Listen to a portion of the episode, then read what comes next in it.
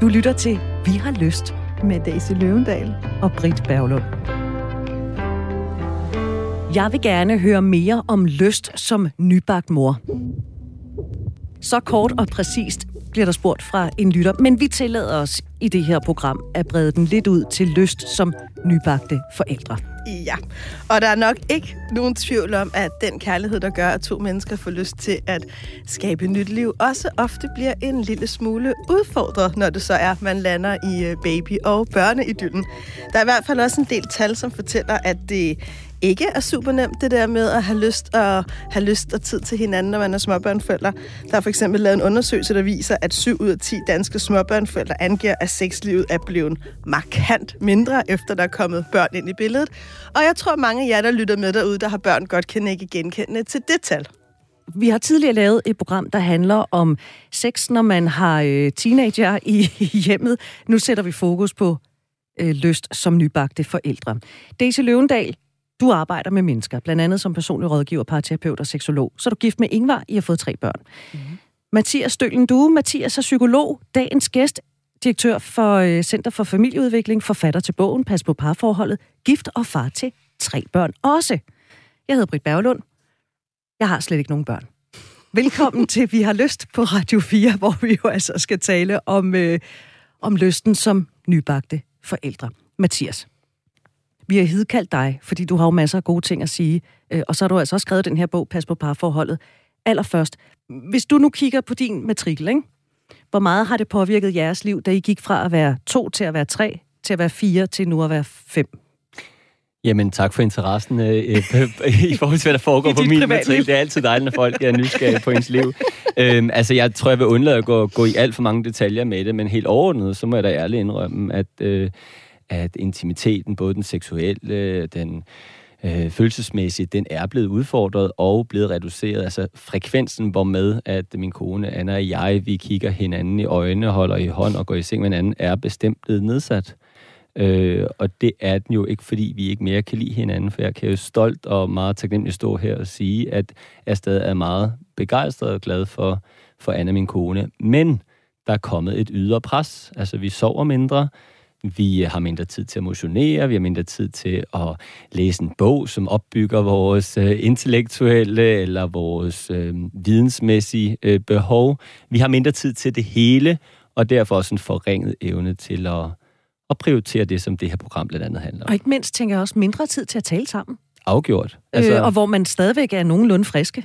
Afgjort. Altså mindre tid til at tale om, om det, som også kan være bøvlet, og det, vi kan bakse med, og Øh, og når vi ikke har tid til at få talt det bøvlede og det, der bakser igennem, jamen så kan det også være, at det bliver sværere for os og mange andre at komme hen til et sted, hvor man så føler sig lettet eller mødt i en sådan grad, at man også har lyst til at tage tøjet af og, og røre ved hinanden. Daisy, øh, hvordan gik det hjem hos jer, da I så fik børn? Du og Ingvar, som meget nyforelskede. Ja, men... Men jeg går ud fra, eller nu bygger jeg jo bare en historie, ikke? romantik over det hele. Ja, meget, meget. Nå, men det, vi var faktisk, øh, vi havde ikke kendt hinanden så længe, da det var, vi øh, blev gift og fik børn. Så det var faktisk meget romantisk. Hvad ikke så længe? Nu bliver jeg nysgerrig. Jamen, ja, vi havde kendt hinanden. Vi mødtes nytårsaften. Vi flyttede sammen øh, inden sommerferien. Tror, det var cirka et halvt år så blev vi gift. Ja, hvornår har vi? Jeg tror, jeg fik barn 18, sådan halvandet år efter. Nå, okay. Ja. Nå, altså så hurtigt, så hurtigt det gik det Nej, heller ikke. jeg troede, det var sådan noget 10 måneder efter. Ah, nej, nej, dog Nå, ikke. Okay. Men jeg kan sige, at jeg har fået to børn med 10 måneders mellemrum, så jeg har været, så vi var rimelig effektive i starten. Ikke? der er ikke nogen tvivl om, at det der med at blive mor har været en af de absolut største forandringer i mit liv, særligt til mine sønner, som er de to ældste på en eller anden måde med, med Luciana, som er nummer tre, så gled hun på en eller anden måde mere ind, både i et parforhold og en familiedynamik, som ligesom var etableret. Og jeg vil sige, noget af det, der var aller, aller sværest for mig, altså jeg har sådan et meget tydeligt billede af, at sådan efter jeg havde født min søn Valentin, at jeg sådan står derhjemme på min eget badeværelse, og ligesom er kommet ud af hospitalet, og vi var der lidt lang tid, fordi Valentin han er for tidligt født.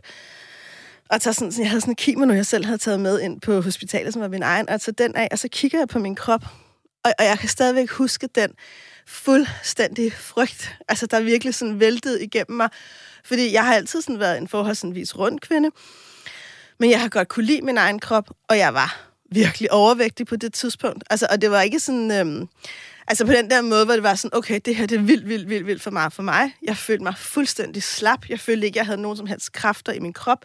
Jeg havde sindssygt mange strækmærker, og jeg kunne sådan høre min farmor, der havde mange strækmærker, og så sådan høre hendes stemme fra da jeg var lille, der altid stod og sådan hadet på hendes krop. Jamen, jeg kan ikke have noget tøj på, og jeg ser ud af helvedes til, og hun, kunne, hun var sådan, der aldrig kunne komme ud af døren, når vi skulle til fester, fordi hun ikke kunne finde noget, hun skulle have på. Og den der sådan stemme om, hvordan hun har talt om sin egen krop, væltede ned over mig. Jeg havde også et korsstringsbrutteri i mit køn, fordi det havde været en meget voldsom fødsel. Så jeg havde virkelig den der følelse af, jeg ved slet ikke, hvordan jeg nogensinde skal forsone mig med den her krop og komme hjem i den. Wow. Så det var en kæmpe krise for mig, så man kan sige et eller andet sted, så det der med at mødes i et seksuelt rum og mødes med min mand igen, jeg tror, jeg havde en eller anden klarsyn af, okay, det kræver ligesom også, at jeg finder hjem i det her, som jeg på det tidspunkt havde allermest lyst til bare at forsvinde fra. Altså, jeg havde slet ikke den der følelse af at være i min krop. Men jeg tror, og det har jeg sådan helt senere hen tænkt på, det tror jeg egentlig var meget heldigt. Jeg havde en eller anden intuitiv forståelse af, jeg er nødt til at finde hjem i den her krop, med det, den vejer nu, med de ting, den kan og ikke kan. Jeg er nødt til at hele min krop. Jeg er nødt til at hele de smerter, der er. Jeg er nødt til at kunne mærke mit køn igen, uden det er smertefuldt. Jeg er nødt til at forsone mig med mine bryster. Og så derfra kan jeg møde min mand. Fordi at jeg kan bare ikke møde ham lige der, hvor jeg er nu. Og det var jo så, kan man sige, starten på, en, på en, en udviklingsrejse. Jeg kan også sige, at jeg har det ikke sådan nu. Jeg har det meget anderledes med min krop i dag. Men det var et kæmpe oprydningsarbejde for mig, og det var en kæmpe krise for mig. Må jeg supplere? Øh, fordi nu har vi jo indtil videre adresseret to tematikker, som er med til at udfordre det seksuelle og udfordre lysten og nærværet og intimiteten. Jeg var lidt inde på det her med, at man har mindre tid til hinanden, mindre overskud. Så det er jo sådan den ene dimension. Den anden dimension, som du så fint øh, også skitserer, det er jo den dimension, som vedrører øh, egen krop, men også selvfølelsen. Øh, det at, at have hjemme i, i, i, i det. Så nu er vi jo inde på som minimum to overordnede udfordringer. Og jeg synes, det er så betydningsfuldt at få adresseret begge dimensioner. Også den, du nævner. Jeg synes, det er så fint, at du så ærligt lægger det frem, hvor svært det er, fordi det er med til at normalisere, hvor vanskeligt det kan være. Og det er bare så afgørende, når man entrerer ind i et liv med, med børn, noget man ikke nødvendigvis har prøvet før, at man der midt i alt det, der så kan være sårbart, mm. midt i alt det, der kan være svært, det hvor man længes efter noget, der var en gang, i det mindste ved, at det her ikke handler om, at jeg er forkert, eller du er forkert, eller vi er, vi er forkerte. Fordi at kunne have det lidt mere nådig, omsorgsfulde perspektiv på sig selv og den anden og hinanden, er i hvert fald en, et vigtigt afsæt for at kunne håndtere de udfordringer, som, som der jo kan være nok af. Og det er naturligt det her med, at øh, vi ændrer os som mennesker. og Kroppen forandrer sig, når man bliver forældre. Mathias, du arbejder som psykolog.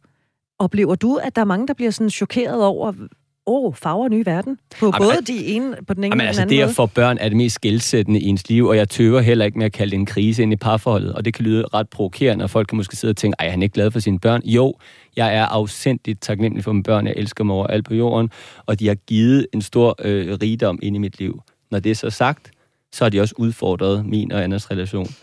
Øh, og jeg, jeg tænker, at det er en afgørende og ret vigtigt og en væsentlig erkendelse, at vi tænker på dem som en krise ind i parforholdet. Øh, fordi hvis vi tænker sådan om dem, så kan vi også bedre forholde os nøgternt og realistisk til det, de så udfordrer, og i øvrigt også tale om, hvad vi kan gøre for at, at regulere den udfordring. Altså på Center for Familieudvikling, hvor, hvor, hvor jeg arbejder, der, der henviser vi ofte til begrebet ekstern stress. Og ekstern stress er defineret ved, øh, ved det, at det ikke har noget med parforhold at gøre øh, i udgangspunktet, men at det er noget, der påvirker. Og ekstern stress kan være psykisk øh, øh, sygdom, depression, angst, det kan være en kraftdiagnose, det kan være for meget arbejde eller arbejdsløs eller dårlig økonomi, men det kan i sandhed også være børn.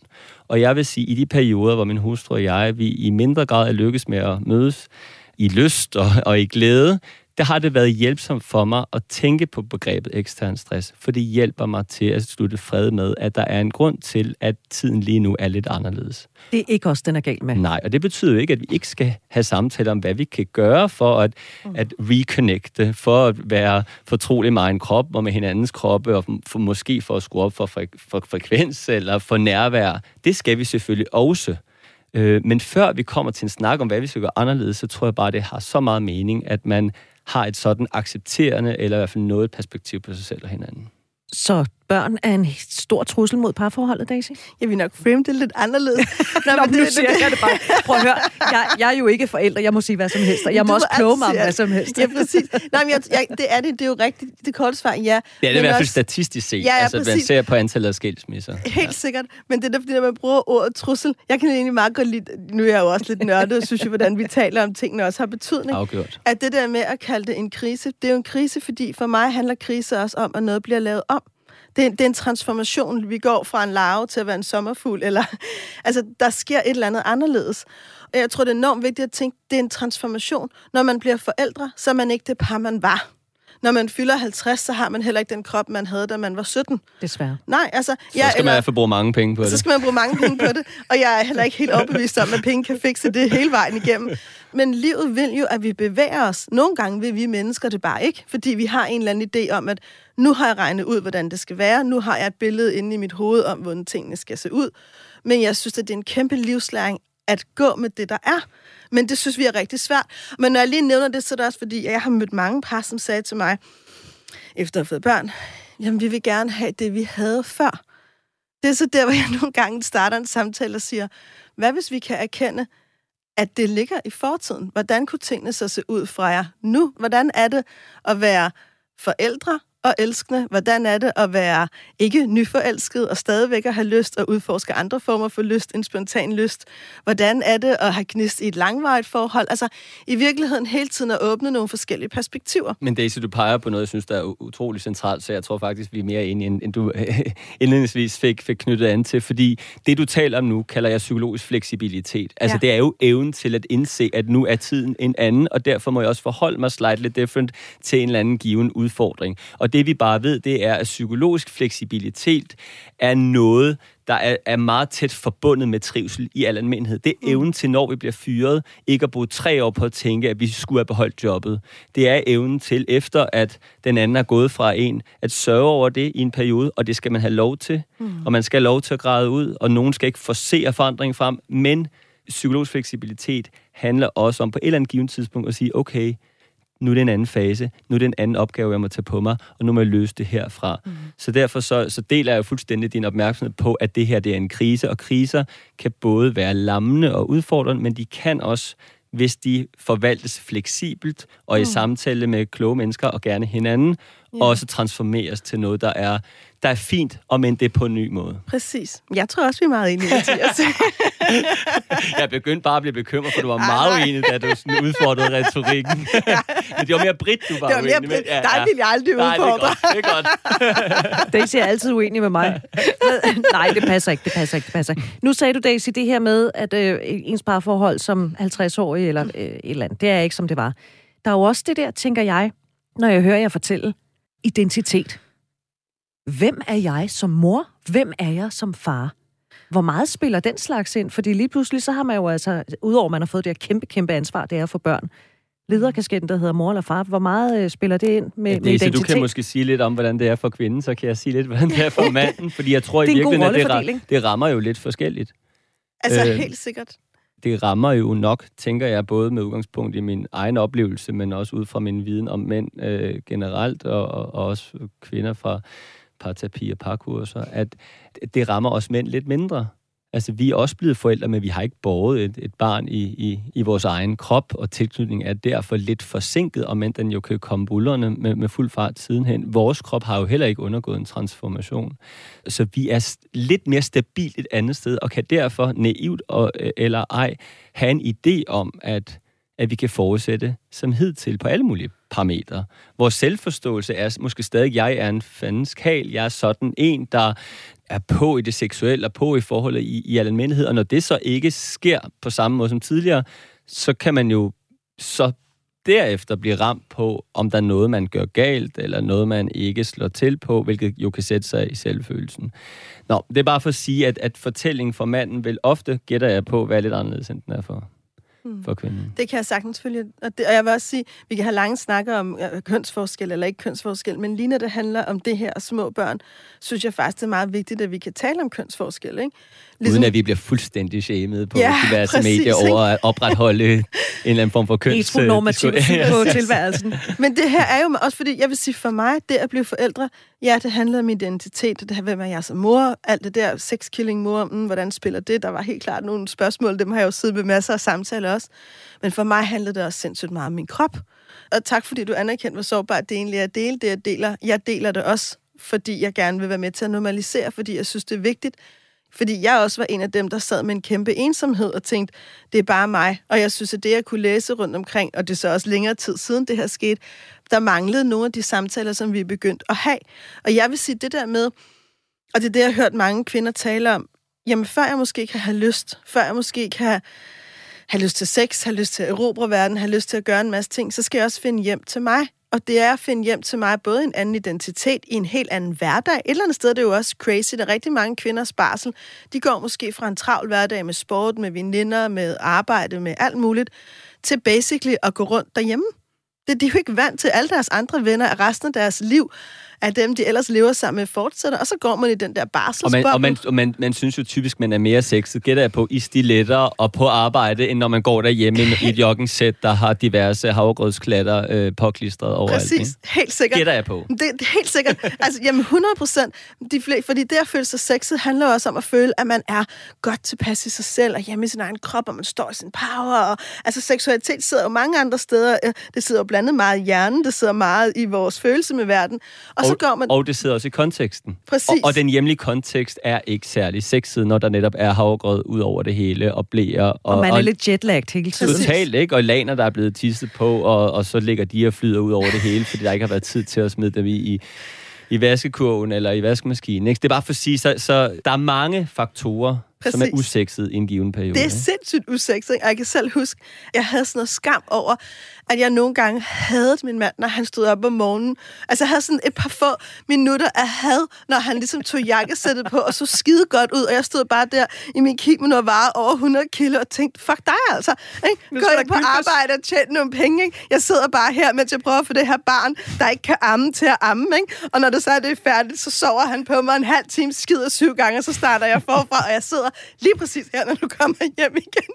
altså, det, det er jo en kæmpe... Men, men midt i det sjove og groteske, så peger du virkelig også på noget andet interessant, hvis vi, hvis vi må og tør tale om kønsforskel. Netop det der med, at du har barnet på din krop hele tiden.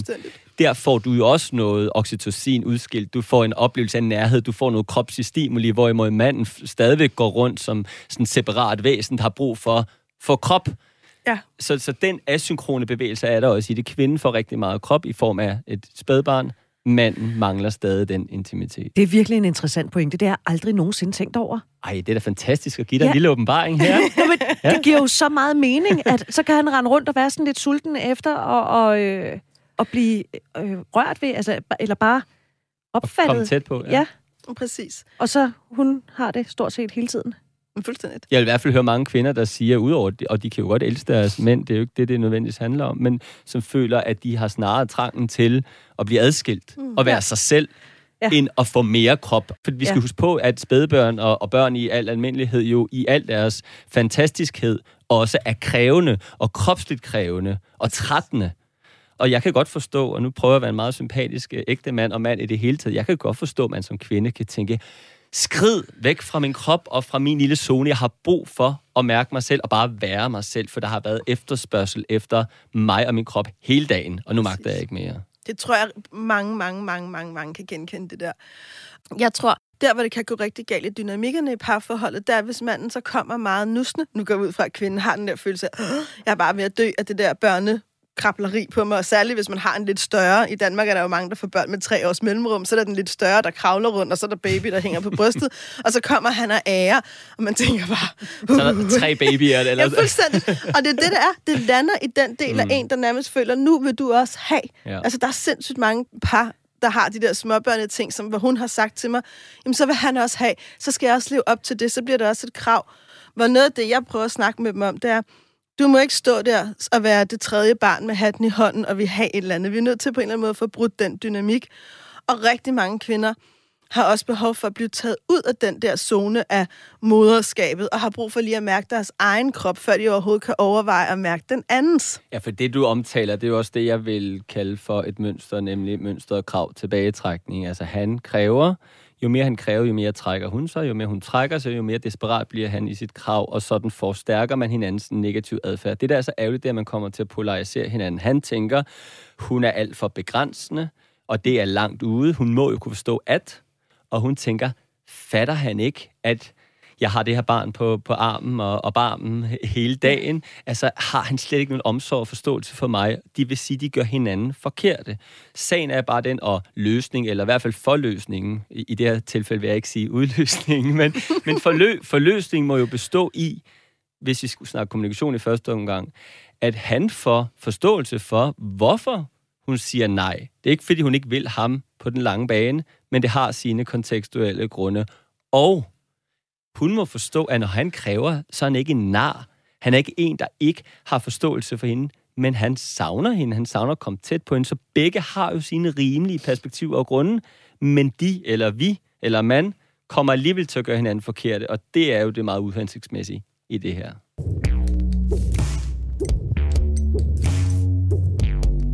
Du lytter til Vi har lyst på Radio 4. Det er til Løvendal. Jeg hedder Britt Berglund, og så er vi betøg, betøg, besøg af Mathias Stølen Du, der er psykolog og direktør for meget, Center for meget for, Familieudvikling. Meget fornemt betøg. Ja. Forfatter til bogen Pas på parforholdet. Det er ikke en bog, jeg vil gide at læse. Nå, prøv at høre. Mathias, nu sagde du det her med, at hun må da forstå, og han må da forstå. Kan vi ikke lige kaste os ind i den kommunikationsstil? Fordi da vi talte sammen forleden dag, der sagde du, jo mere vi kan tale nøgternt om det her, jo nemmere bliver det. Hvordan tager man den samtale, parret imellem? Jeg lagde mærke til, at du, du sagde, så tænker han, så tænker hun, men det skal vi jo helst tænke højt, så vi ligesom kan blive klogere på hinanden, og hvor vi er henne.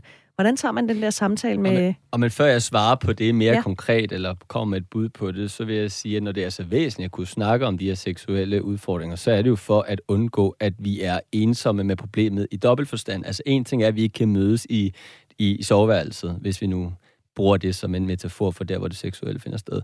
Hvis vi oplever ensomhed eller afstand der, og vi også har afstand i sofaen, hvor vi måske vil tale om det, så har vi dobbelt afstand. Så mangler vi følelsesmæssig intimitet, som vi kan få via en kropslig øh, hvad hedder det, tæthed og nærhed.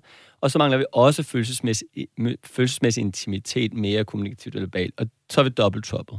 Og hvis det er det rigtig svært, så er det ofte nemmere at starte i, i sofaen.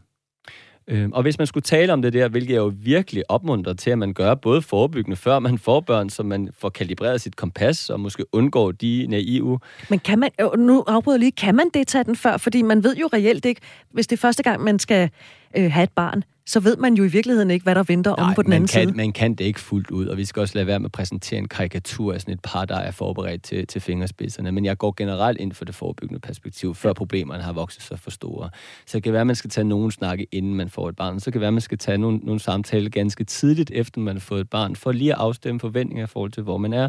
Og så for at blive lidt mere konkret. Altså, jeg er jo kæmpe fan af, af, af sådan en, en, en ø-metafor, som i al sin enkelhed prøver at skitsere, at vi bor på hver vores ø, og derfor ser vi også verden fra forskellige perspektiver. Og det, der ofte sker, når vi ser verden fra forskellige perspektiver, det er, at vi har en sandhedsdiskussion. Han siger, at du tager for lidt initiativ, initiativ til sex. Hun siger, at det er urimeligt, du siger det. Det kan du ikke tillade dig at sige. Og så siger han, jo, det kan jeg godt tillade mig. Og så diskuterer de om, hvorvidt den ene har ret, eller den anden har ret, fra hver deres ø. Det, jeg prøver at opmuntre til i parterapi og parkurser og diverse sammenhæng, det er, at vi går på besøg på hinandens ø.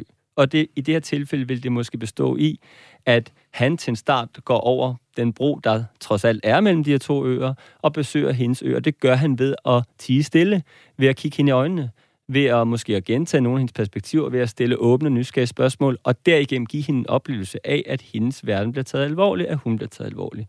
Når hun efter nogle minutter har følt det nærvær og den respekt, så vil der måske indfinde sig en form for relationel magi, nemlig den, at hun får lyst til at høre, hvordan han har det med det. Og pointen er, at de skal ikke finde løsninger lynhurtigt. De skal ikke blive enige. De må godt tænke forskelligt, men de skal give hinanden en oplevelse af, at hvert perspektiv, hver verden har gyldighed. For det er kun ved, at vi får en oplevelse af, at vores fortællinger har gyldighed, at vi kan føle, at vi har gyldighed, og vi har værdighed, og det har man grundlæggende behov for i verden, i særdeleshed i de nære relationer. Så måske i virkeligheden være mere interesseret i, hvordan den anden har det, end hvordan jeg har det lige nu. Stille nysgerrige, opklarende spørgsmål. Jamen, Sige, hvordan har du det egentlig? Afgjort. Det er nysgerrighedens potentiale, men, men, men det går jo begge veje. Sagen er bare den, at det er bedre at smitte hinanden med nysgerrighed ja. og interesse, eller kærlighed, om man end at smitte hinanden med snæver synlighed og, og med, med, med argumenter. Altså ligesom corona desværre smitter, så smitter generøsitet, nysgerrighed, omsorg også. Og det er den dynamik, vi skal have etableret. Det, det løser ikke alle problemer. Der er stadig en, der synes, hun vejer 15 kilo for meget. Der er stadig en anden, der mener, at frekvensen er for lav. Men etablerer vi et rum, hvor vi kan gå på besøg hos hinanden i første omgang kommunikativt, så højner vi sandsynligt for at det mindste etablere en følelsesmæssig intimitet i dagligstuen, og sidenhen højner vi også sandsynligt for at kunne finde den i soveværelset, og men det kan være, at den antager nye former. Og en forståelse, ikke mindst. Ja. Hvorfor? Hvorfor? Ja. Vi mennesker kan leve med meget, når vi ved, hvorfor vi skal leve med det. Præcis. Ja. Jamen, jeg er meget enig. Altså, det han siger... det er godt, Daisy, tak! Men jeg, jeg, jeg, var, jeg havde sådan en fin... Faktisk et meget eksempel, et, et, eksempel på det der. Jeg havde sådan en meget fin samtale den anden dag med et ung par, som også små børn. Som blev meget rørt begge to. Altså han blev sådan på et tidspunkt, altså, fik han sådan lige en tårer i øjenkrogen, og hun tørrede den så meget fint væk, hvor han sagde, okay, nu føler jeg faktisk, vi er sammen om det. Og det var for mig den der terapeutiske forløsning, hvor jeg endelig meget stod og dansede. Åh oh, ja, åh oh, ja, fordi, altså, det gør jo ikke over for dem i situationen, men det, det, det der øjeblik af, nu er vi sammen om det. Ja, du savner mig seksuelt, jeg kan ikke rumme dig seksuelt, mm. men der er ikke nogen af os, der er forkerte. Og det er jo der, jeg oplever, jeg synes jo, mange af de mænd, jeg har mødt gennem tiden, og nu generaliserer jeg, der har været meget på den der, jeg savner sex, det er fordi, det tit for nogle mænd er nemmere at sige. Det, det er mere tilladeligt for mænd. Men det, de jo også mange gange savner, den der følelse af nærhed og intimitet. Det er jo også en af de emner, vi er vendt tilbage til os her, vi har lyst. Men når de så føler sig set som mennesker, når de får lov til at blive set af en kærlig kvinde, der siger, jeg kan godt forstå, at du savner alt det, vi havde. Mm. Det gør jeg egentlig også. Mm. Ah, så slapper man af, så er kontakten der, og så kan der være et håb, vi finder hinanden mm. igen, eller lad os lige komme igennem det her. Og så er det jo der, vi i virkeligheden kan begynde at finde ud af, hvad er der så muligheder? Og nu er jeg også enig med dig, bare lige for at kvittere for det. Og så har jeg lyst til at begrebsliggøre det lidt, i hvert fald med reference til de begreber, jeg holder af. For du taler om, at vi mænd, eller nok mennesker det hele taget, kan have nemmere ved at at tale et sexsprog, eller det, jeg vil sige, et mere bebrejdende sprog. Altså, vi har måske nemmere at sige, det er for dårligt, du ikke tager initiativ, end det er at sige, ved jeg savner dig, jeg længes mm. efter at være tæt på dig. Og det, jeg til hver tid vil opmuntre til, hvis vi skal gøre det lidt praktisk anvendeligt, det er, at vi prøver at oversætte de hårde følelser til de bløde følelser. Så i stedet for at sige, det er for dårligt, du ikke tager initiativ til sex, så kunne man sige, ved du hvad, skat, eller hvad, hvad man måtte hedde, jeg savner at være tæt på dig. Øh, jeg ved godt, at du også er hårdt ramt og bum bum, men jeg må bare sige, at jeg længes efter dig. Så det kunne være udfordring i det her tilfælde hos manden, men det gælder i virkeligheden både mænd og kvinder. Vi oversætter kritik og aggression til en følelsesmæssig længsel.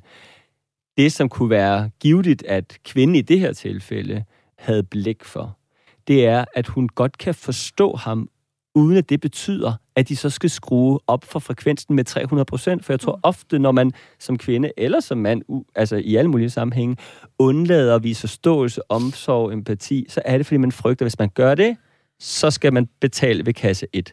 Jeg kan rigtig godt forstå, at du har lyst til, at vi har mere sex, og så tænker man, shit, så er det altså om 10 minutter, vi går i gang igen. Ikke? Det er også derfor, jeg er stor fortæller for, at vi laver en adskillelse mellem en snak, som handler om problemforståelse, og så en snak, som handler om, om løsning.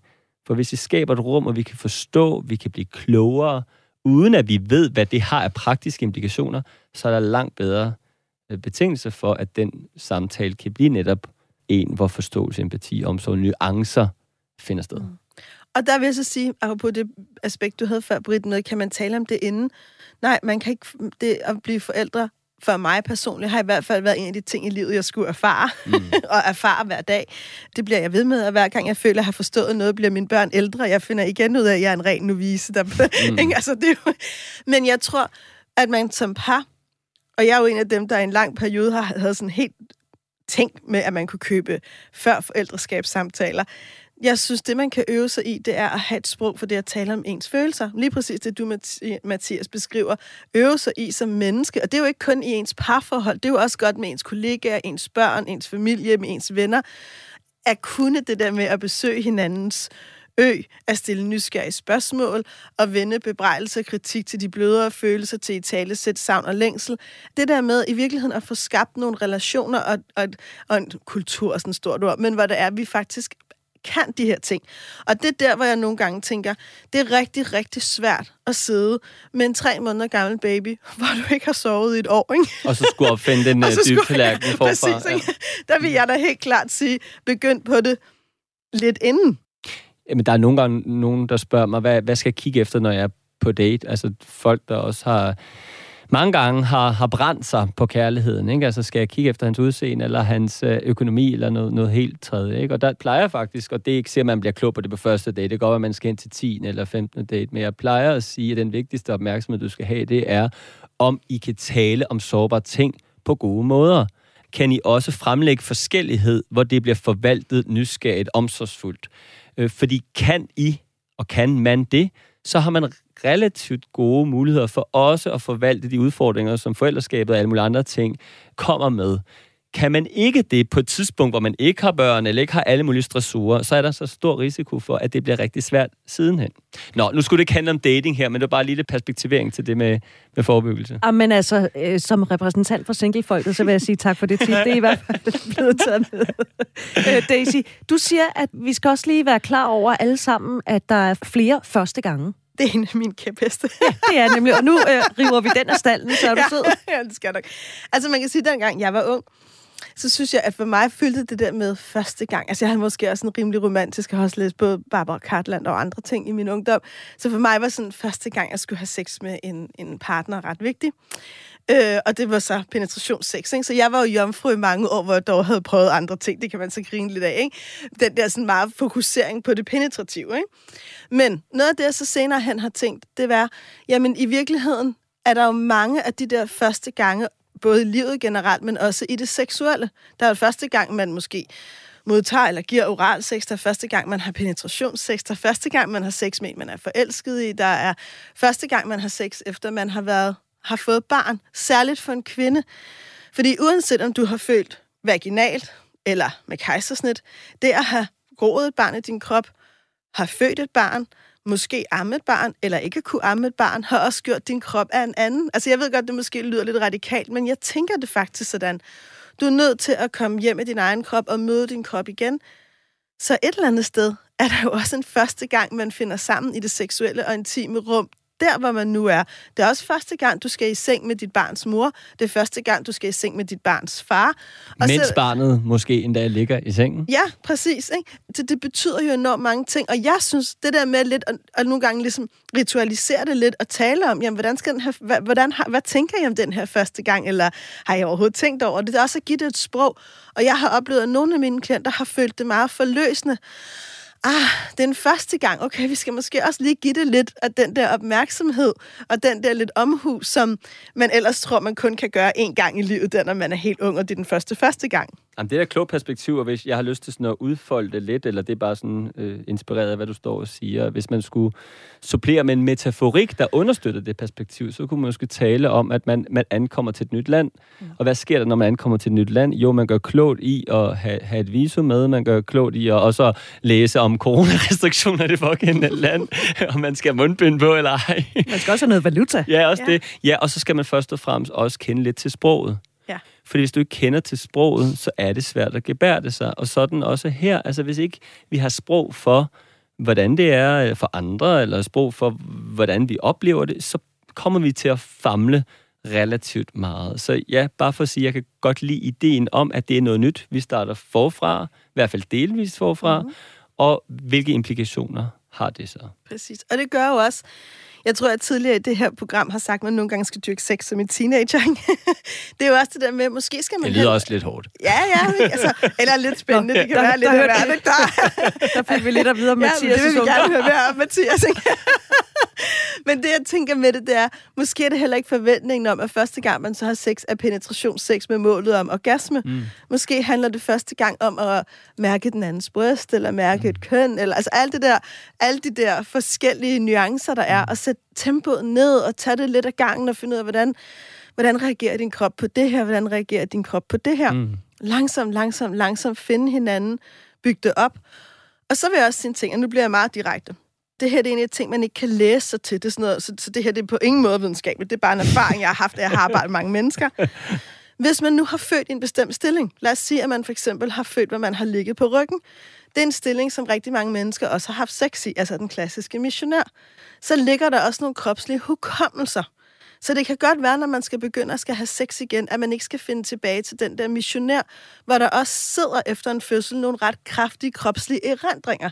Det kan godt være, at man i virkeligheden skal starte med at sidde på en stol, mens ens partner knæler og giver oralsex, så man har en helt anden, også en helt anden følelse af at kunne se at være i kontrol, særligt hvis man har haft en fødsel, hvor man måske har følt sig meget ude af kontrol. Det kan også være, at man bare skal vende den helt anden vej og være mega fræk og mega kinky og slet ikke connected, fordi man har brug for bare at være der med ens mest frække selv og ikke forholde sig så meget. Min pointe er, jeg synes, man skal være opmærksom på os. Hvad er det også for nogle måder, altså, vi rent faktisk møder hinanden på, og hvad er det for nogle associationer, det skaber? Fordi der ligger i kroppen sindssygt meget erindring i at have født. Mathias, du siger, at du kunne godt tænke dig et opgør med, at vi, øh, at vi ligesom øh, venter på, ligesom Dannebro gjorde et eller andet sted, at vi venter på, at begæret falder ned fra himlen, fordi du siger, at så kan vi godt nok vente længe. Det kommer ikke nødvendigvis til at ske.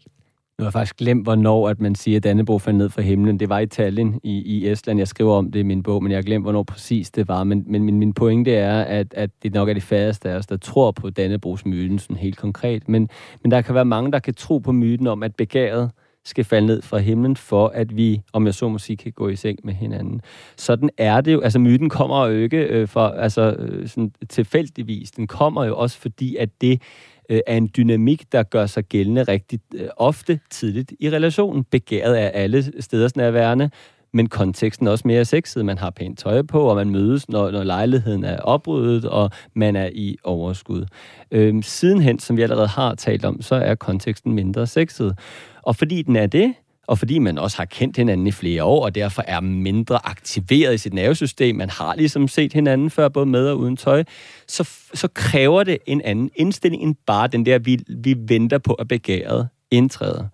Øh, for ligesom i Samuel Beckett's øh, spil, mens vi venter på Godot, hvor de bliver ved med at vente, han kommer aldrig, så er der også en risiko for, at begæret aldrig kommer, hvis ikke vi gør noget aktivt ved det.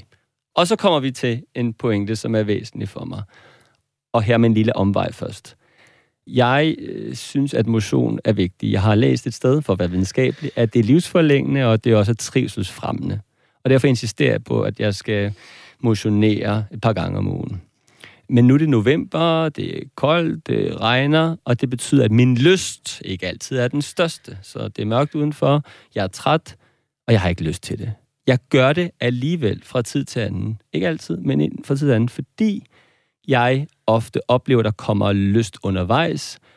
Og hvis ikke der gør det nødvendigvis i stor øh, udstrækning, så oplever jeg i hvert fald bagefter, at jeg oplever en, en ro og glæde i kroppen, og også rent mentalt. Jeg får noget ud af det. Min pointe er, at med motion, der er det en værdibaseret beslutning. Jeg gør det, fordi det er et princip. Jeg kunne godt have lyst til at opmuntre os alle sammen til at tænke om sex lidt på samme måde, og intimitet lidt på samme måde. Man skal ikke gå i seng med hinanden, man skal ikke røre meget med hinanden, når man har stor ulyst, når man har store konflikter. Det bliver grænseoverskridende i det mindste for den ene. Men sandheden er den, at der er nogle mennesker, der befinder sig i det land, der hedder stor uløst. Der er også nogen, der befinder sig i det land, der hedder stor lyst. De fleste af os, der har børn, befinder os meget af tiden i mellemrummet. Og det er det der mellemrum, det der landskab af, af og blæer og Excel-ark og regnskaber og moms og alt muligt andet, at vi, om jeg så må sige, skal insistere på at finde plads og tid og anledning til sex, hvis vi ellers begge to ønsker det. Så ja, det er mere værdibaseret, prioriteret valg om, at afsøge muligheder for at skabe lidt mere sexede kontekster, at vælge det til på tilfældige tirsdag, også selvom vi måske har mere lyst til at se TV-avisen eller en Netflix-serie. Mm. Det, jeg grundlæggende siger, det er, at man skal lade være med at give den umiddelbare, spontane lyst så stor magt. Man skal måske begynde at røre ved hinanden, når lysten er mere neutral, ud fra en erfaring og en viden om, at lysten er noget, der kan komme som en effekt af den prioritering, snarere end at det er en forudsætning for, at vi går i gang med et eller andet, der har med berøring at gøre. Og nu har jeg jo været sammen med Daisy i tre måneder, så jeg vender mig om mod Daisy, og så siger jeg, hvis jeg siger modtagelyst, så siger jeg ja. ja. jeg har hørt efter. Det er det, du har hørt efter. Og i virkeligheden, når vi nu har fået sat modtagelysten på plads, som det er meget at høre, du beskriver netop den lyst, der optår efter, man har modtaget kærtegn, så kan vi jo også lige tage det tredje begreb ind, som er den proceptive lyst, som i virkeligheden er lysten til at have lyst, mm. der handler rigtig meget om at tage ansvar for de rammer, de situationer og de ting, der tænder os. Det vil jo sige helt lavpraktisk. Her står der tilfældigvis, lad os sige en mor, hun har en treårig, der har kravlet rundt på hende. Hun har en lille baby. Ah, måske ikke en helt lille baby. Hun har en fireårig og en ni måneders. Lad os sige det. Ikke? Øh, og øh, hun har egentlig lyst til at have lyst. Hun er egentlig nået sted hen i sit liv, hvor hun tænker, jeg har lyst til at få den der del af mig tilbage. Jeg har ikke lyst. Jeg har rigtig meget lyst til at spise en liter is og se Netflix. Ikke? Men øh, jeg har også lyst til det. Så hun gør måske det, hun tænker, okay, jeg ved, at før jeg får mere lyst, nu går vi lige op i hovedet en gang, ikke? ligesom når du går ud og løber. Ikke? Jeg ved for eksempel, når jeg selv løber, jeg løber også i den her tid, øh, og det gør jeg bestemt heller ikke af lyst, så ved jeg, at hvis jeg stiller mit løbetøj frem om aftenen, mm. og jeg ligesom bare beslutter mig for det på sådan en måde, Daisy, der er ikke nogen debat, det skal du bare, så kan jeg godt gøre det. Det er en ramme. Ikke? Så den her mor, vi talte om før, hun tænker måske, okay, hvad for en ramme vil være god for mig? Det vil være rart, men fireårige ikke var hjemme. Okay, hun ringer til en veninde, der tager hendes fireårige med hjem på lejeaftale. Hun øh, timer det med, hvornår barnet sover. Hun inviterer måske hendes kæreste til at komme hjem på et tidspunkt. Nu er der et barn væk, og der er et barn, der sover. Hun tager sig måske et bad inden, for hun ved, så har jeg det lidt bedre med mig selv. Jeg føler mig ikke bekymret over den der gylp i håret. Og så finder hun måske på noget, hun har lyst til. Hun tænker måske, jeg ved ikke, om jeg har lyst til penetrationssex, men jeg har nogle gange fantaseret lidt om, at han kildede mig med en fjer, og så havde den der lille maske på. Og det beskriver hun så for ham. Lad os sige det. Og hvis han så, ja, de er et godt sted i livet, de kan tale, læser det, så kan det være, at han skynder sig hjem og rent faktisk øh, binder en lille sløjfe og finder fjeren frem. Og så må vi se, hvad der sker. Men hele ideen er, at du tager ansvar for, hvad er det egentlig, der giver mig noget nu, som vækker noget, og deler det. Og så er det jo en leg. Sådan er det jo altid, når vi giver os i gang med en leg. Måske bliver det super hot, og måske bliver det bare sådan lidt fjollet. Ej, okay, så sidder jeg efter dig lidt med en fjer. Ej, så lad os bare grine lidt af det. Det er også okay. Men, men, det, er, men det, jeg også godt kan lide ved dit eksempel, det er, at du, du beskriver betydningen af, at man selv tager ansvar. For Præcis. vi har sådan en tendens til at tænke, du skal tænde mig. Men hvis, hvis den anden ikke er træt, og ikke nødvendigvis er, er, er fuldstændig skarpt skåret, så kan det godt være, at vedkommende ikke tænder en så meget. Og konteksten tænder overhovedet ikke. Ergo må man ty til sig selv, og det er den eneste, man sådan bare delvist kan kontrollere.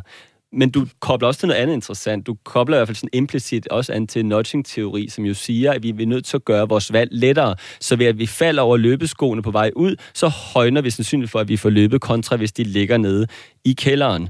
Og sådan kan man også tænke det på det seksuelle område. Mm. Og, og når vi taler nudging, og vi, vi taler om, hvordan man kan fremme adfærd, så har jeg lyst til at slå et slag for de gode vaner. Altså, der er noget, der hedder vanens magt og vanens kraft, og vi ved bare, at gode vaner højner sandsynligheden for en bestemt type adfærd. Jeg kunne også synes, det gav rigtig god mening at tale om, hvordan vi får seksuelle vaner ind. Og karikaturen er jo, at man går i seng med hinanden hver tirsdag aften eller hver lørdag. Men selvom det er en karikatur, så er der alligevel et interessant potentiale i det, for det er et eller andet med, at vi får nogle automatismer ind, som gør, at vi ikke sådan skal aftale det eller tage os sammen, fordi det er så at sige noget, vi, vi gør Ligesom man går til fodbold om torsdagen, eller hvad man gør. Ja, hvis jeg lige må supplere noget apropos datinglivet. Ikke? Der er mange mennesker, jeg har talt med om de her ting, der siger, ej, jeg skal ikke planlægge intimitet, og jeg skal ikke dit den dutten datten. Og så siger jeg, okay, så da du mødte... så, Mathias. Ikke, ikke? så da du øh, mødte Michael der, ikke? Øh, og I havde en aftale, ikke? havde du så måske barberet ben inden, eller taget en ekstra lækre BH på? Ja, selvfølgelig det. Nå, okay. Havde du måske sådan lige sådan en tandpasta og en parfume ned i tasken, som skal overnatte dig? Øh, ja og du siger til mig, at du ikke har dyrket planlagt sex før. Altså, fordi det er jo egentlig indbegrebet af det. Man skal på en hot date, man har forberedt, man har mm, mm, mm, og man har måske tænkt lidt, ej, og så gør han nok, Åh, og så tænder vi lidt på hjernen, den er ret erotisk organ. Det er jo bare det. Det er fordi, vi abonnerer på ideen om, om spontanitet som, som et endemål, og, og det er det, jeg også taler om, at begæret bare så komme. Altså, en ideel verden ville det være fantastisk spændende, hvis vi hele tiden blev overfaldet af spontanitet og begær. Det er den eventyrlige verden at være i. Men vi er også bare nødt til at være realistiske. Den verden lever få af os i. Hvorfor vi må gøre os til venner både med Excel-ark og tandbørsterplanlægning, også på det her område. Du lytter til Vi har lyst her på Radio 4. Vi øh, taler om Lyst som nybagte forældre, fordi vi har fået en henvendelse, der meget kort hedder, jeg vil gerne høre mere om lyst som nybagt mor. Den har vi så bredt ud til nybagte forældre. Og vi, det er Daisy Løvendal, det er Mathias Stølen Due, der er øh, psykolog og øh, direktør i det, der hedder Center for Familieudvikling. Og så er Mathias også forfatter til bogen, der hedder Pas på parforholdet, og mit navn er Britt Berglund. De her tre mennesker, som vi er her i studiet, har til sammen seks børn. Jeg har nul. Så kan man jo selv, hvis man ikke har lyttet med fra starten, tænke, nå, kunne vi ikke, hvor mange af dem de så hver sær har. øh, lyst, intimitet og parforhold, Mathias Stølen, du, er det bare hårdt arbejde?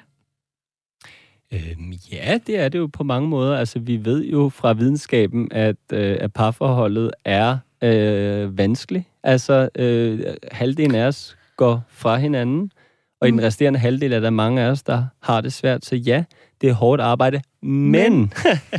vi ved også af videnskaben og vores egne øh, liv, at der, hvor vi så arbejder tilstrækkeligt på det, der er der en kolossal stor gevinst. For det at have nære relationer, og det også at have kropslig intimitet, det er både noget af det vigtigste for vores livskvalitet, og det er faktisk også livsforlængende.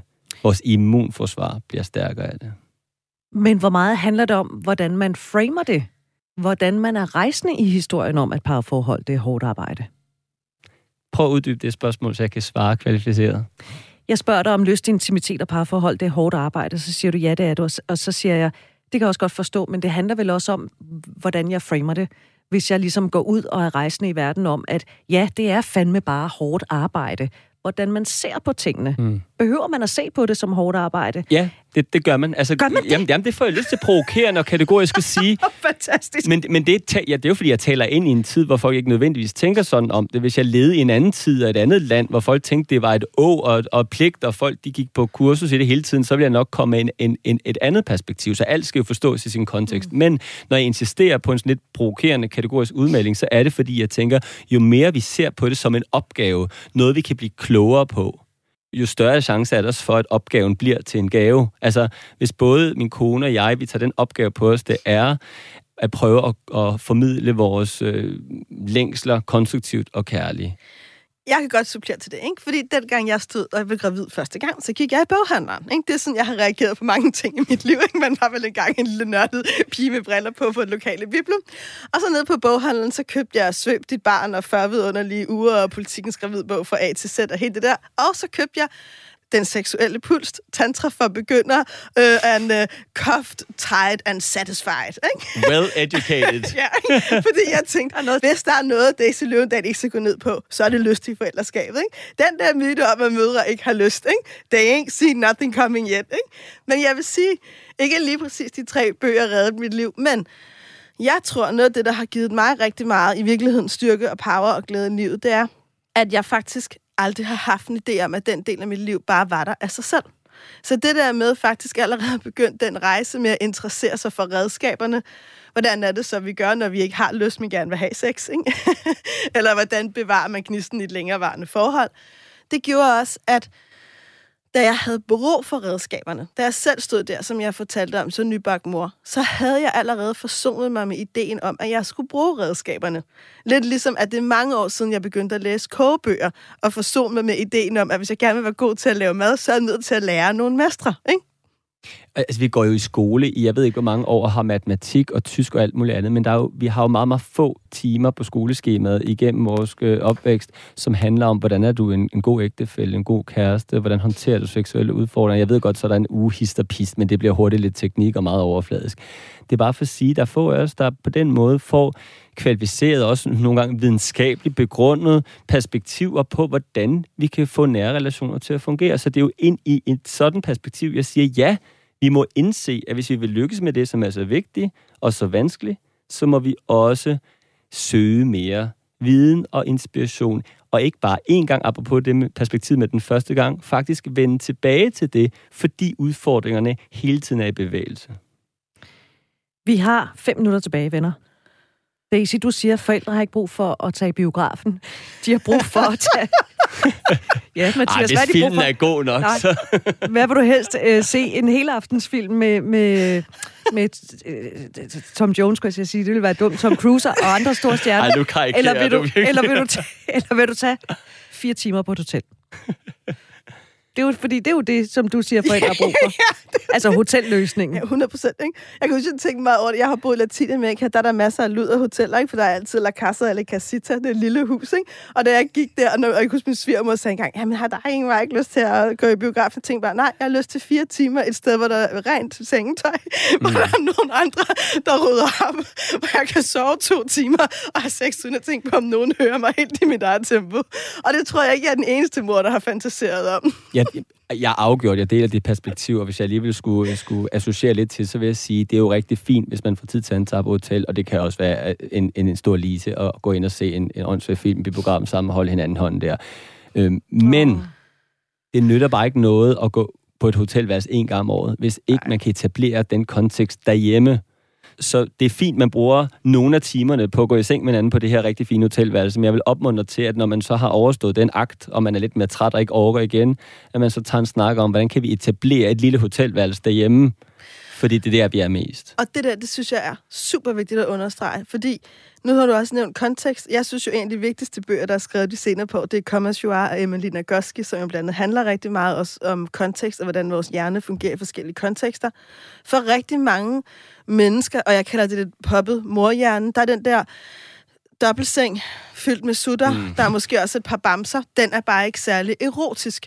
Så jeg tror, hvis, man er, hvis du lytter med, og du er nybagt forældre, og du godt kunne tænke dig et erotisk liv, så skal du måske også tænke lidt over, hvilke rammer i dit eget hjem kan du etablere, hvor du også kan komme lidt ud af din mm. mor- og far-identitet. For det er rigtig svært midt i bamserne. og hvis man har en toværelseslejlighed, så kan det godt være, at man er nødt til at og, og, og, og bruge en halv time på netop at rydde op på soveværelset og lægge nye laner på. Og hvis man har et større hus, så har man måske det privilegie at bruge et gæsteværelse eller et eller andet. Men, men ja, det der med at, at gøre sig umage med konteksten, tænker jeg, er ret så afgørende for, om, der, om, om lysten kan indfinde sig. Præcis. Mm. Også fordi, at den ramme, den fysiske ramme, fortæller jo også hjernen, nu skal der ske noget andet. Mm. Så når der, der bliver loftet ud, tændt øh, sterinlys, sat Tom Jones på Brit, ikke?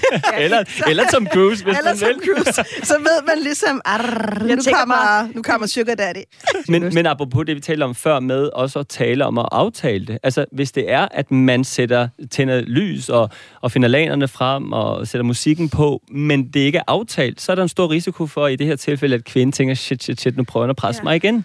Ja, Hvis præcis. det er aftalt, så kan det godt være, at hun ikke har kæmpe stor lyst, men hun ved jo, at det her, det rimer på den aftale. Og derfor er der en stor forskel i, en, i ens læsning af, hvad det er, der sker. Præcis.